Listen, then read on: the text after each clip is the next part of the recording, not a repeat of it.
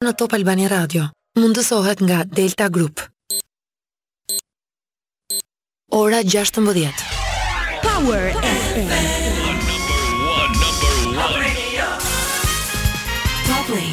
Flash në Top Albania Radio. Informacionet kryesore të ditës.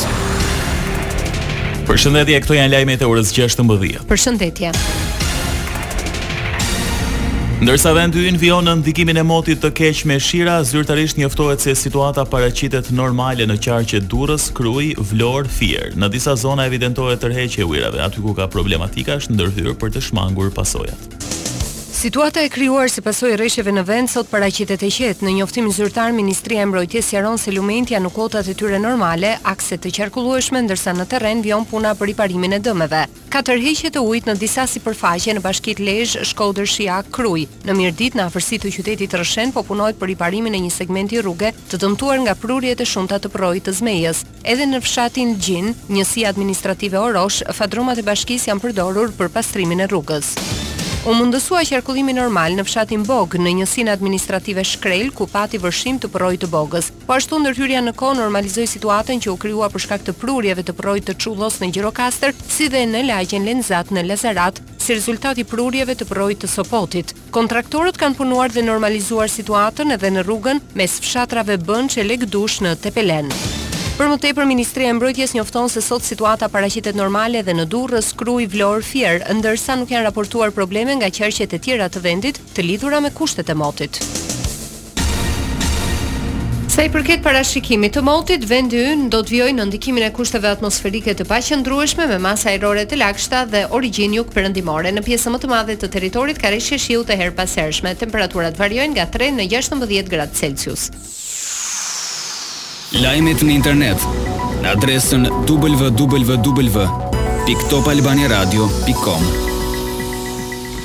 Sali Berisha ka denoncuar sërish çështjen e inceneratorëve duke bërë përgjegjës kryesor ish-zëvendëskryeministrin Arben Ahmetaj. Sot në një konferencë për mediat, kreu demokrat deklaroi. Klodian Zoto ka paguar me kartën e vet të kreditit të paktën në pesë raste qëndrimet në hotele me pesë yje të Europës Arben Ahmetajt në harkun kohor dy mijë e trembëdhjetë dy mijë e shtatëmbëdhjetë. Më tej Berisha nënvizoi. Nëpërmjet njohjes së ngushtë me të kërkurit e drejtësisë, gjë të cilën e ka mohuar vazhdimisht, tigri i oborrit të vogël të Ramës ka luajtur ndërmjetësin në vendimmarrjet e qeverisë për financimet e incineratorëve, sipas një skeme të pastër piramidale. Berisha vuri në dukje se vërtetohen plotësisht akuzat e opozitës. Arben Ahmetaj, Është personi pa firmën e të cilit nuk mund të merrte vlerë asnjë dokument i kësaj afere. Është personi kanë firmosur vjedhjen nga Fondi Rezervë i Këshillit të Ministrave disbursimin e tij për djegësin e Elbasanit për llogari të vet. Brenda vitit të ardhshëm, qeveria synon hapjen e një gare ndërkombëtare për ndërtimin e portit të ri tregtar të Durrësit në Porto Romano. Dyzet e gjashtë për qind e vlerës së investimit do të jetë nga ekzekutivi dhe pesëdhjetë e katër për qind kompania fituese e garës ndërkombëtare. Në prezantimin e projektit, ideuar nga studio holandeze Royal Haskoning DHV, kryeministri Rama tha. Po të kishte nisur kjo punë tridhjetë vjet më parë apo njëzet vjet më parë, sot do të ishim duke i marrë frutet. Por kjo punë nis sot pikërisht sepse janë pjekur kushtet më në fund që të kemi një port tregtar të denjë për shekullin e njëzet e një. Shefi i qeverisë shtoi. Pika tjetër shumë e rëndësishme është garancia njëqind për qind e kontratave ekzistuese me të gjithë operatorët ekzistues. Ata kanë kontrata të caktuara, kontratat janë të garantuara qind për qind. Thjesht do të ketë spostime nga një vend në një vend tjetër, por operacioni ligjor nuk do të pengohet për asnjë subjekt që do të dojë të vazhdojë operimin. Në rishikimin më të fundit për Shqipërinë Standard and Poor's konfirmoi vlerësimin në B plus si dhe me perspektivë të qëndrueshme. Agjencia Ndërkombëtare e Vlerësimit parashikon se rritja e PBB-së ka të ngjarë të ngadalësohet vitin e ardhshëm në dy pikë dy përqind nga tre pikë dy e vlerësuar këtë vit. Më pas të rikuperohet në një mesatare prej 3.4 për qind në vitet 2024 në 2025 duke u treguar elastike ndaj rrymave të kundërta globale dhe kërkesës më të dobët nga Europa. Agjencia projekton tkurrje në deficitin fiskal të Shqipërisë në tre pikë shtatë për qind të PBB-së në vitin që po lëmë pas, më tej një përmirësim në dy pikë nëntë për qind deri në fund të dy mijë e njëzet e pesës në përputhje me zotimin e qeverisë për të balancuar financat publike. Perspektiva e qëndrueshme pasqyron pikëpamjen e agjencisë se Shqipëria mund të vazhdojë të menaxhojë rreziqet nga konflikti Ukrainë-Rusi. Lajme nga rajoni.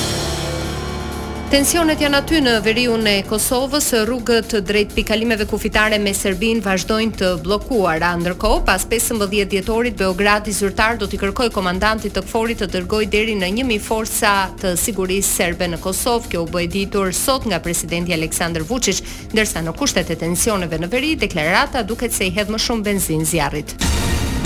Prej të enjtes së kaluar, Serbia paralajmëroi kërkesën për të dërguar trupa bazuar në Rezolutën dymbëdhjetë dyzet e katër të Kombeve të Bashkuara. Me këtë paralajmërim iu përgjigj pranisë së shtuar të policisë së Kosovës në veri. Acarimet nisën me dorëheqjen e serbëve nga institucionet e Kosovës muajin e kaluar. Për arsye të cilësuara familjare, këshilltari i lartë i Departamentit Amerikan të Shtetit, Derek Chollet anuloi vizitën në Kosovë. Pritej që Chollet dhe i dërguari i Shteteve të Bashkuara të Amerikës për Ballkanin Perëndimor, Gabriel Escobar, sot pasdite të takonin drejtuesit më të lartë të shtetit të Kosovës. Për nesër në mëngjes planifikoheshin takimet me përfaqësues të partive politike. Në një njoftim të Qeverisë së Kosovës u theksua se kryeministri Albin Kurti do të presë vetëm Escobarin.